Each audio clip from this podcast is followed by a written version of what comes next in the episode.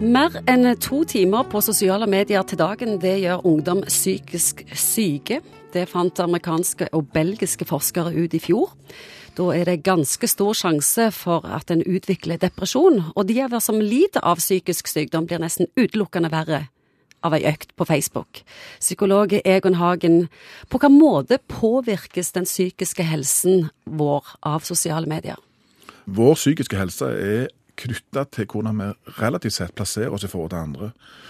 Så lykken er relativ, og fornøydheten med seg sjøl er relativ. Og hvis du da Sammenligne? Sammenligner hele veien. Og det er jo en filtrert virkelighet vi ser på de sosiale mediene. Jeg så en oversikt over at eh, disse selfie-jentene tar ti bilder før de finner et som er Sånn at det virkelige glansbildet kan komme ja, fram? glansbilde. Klart, og Hvis du tenker at eh, Jesus, sånn ser de ut, og her sitter jeg liksom i joggebuksa og eh, ikke helt fresh, ja, så klart at dette kan være en kime til å bli misfornøyd med seg sjøl.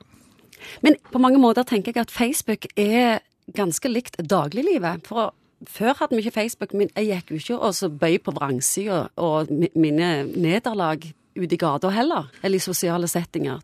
Ja, Du holder det litt for deg Ja, sjøl, eller ja, deler med nære venner.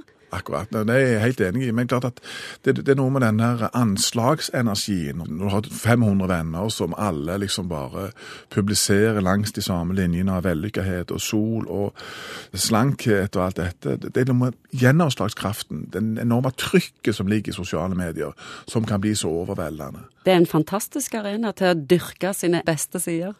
Ja, jeg tenker jo mange ganger at før var det jo sånn at litt sånn beskjedenhet og sånn var litt sjarmerende og sånn, men den, Sånn er det ikke den tida er definitivt over, altså. Og så har jeg òg lagt merke til at Facebook avslører psykisk sykdom. Manisk depressivt blir veldig tydelig.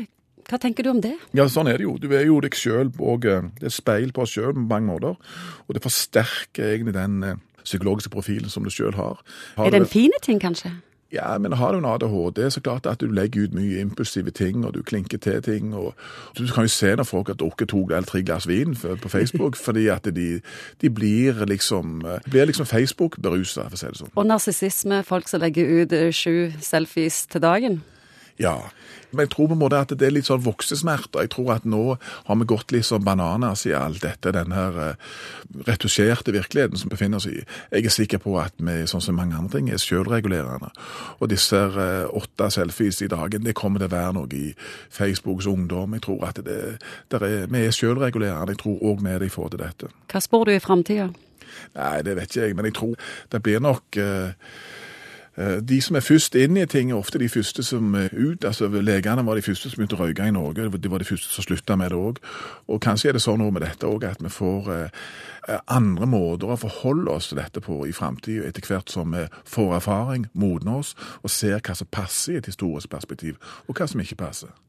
Den skryteorgien som vi ser på sosiale medier, det er ikke langt vekke fra et godt gammeldags julekort. Bare det at da kommer man en gang i året. Ja, jeg husker det at vi hadde noen sånne tanter med òg, som drev og sendte ut at uh, nå var ungene begynt å spille fiolin, og ene spilte, uh, hadde best karakterer på skolen. Mannen er forfremma. Mannen er forfremma og alt dette. Så jeg tenkte på Hekka den gang jeg skulle sende ut at nå var tredje ungen òg begynt på metadon, og bare for å gjøre, eh, ta et skikkelig opprør med dette. For det ble jo jeg tror på en måte det der å være litt, litt den der forsiktige, tilbakeholdte Kanskje Kanskje tid er gått ut for det, men jeg, jeg syns at det er noe det, Beskjedenhet kan faktisk være en dyd.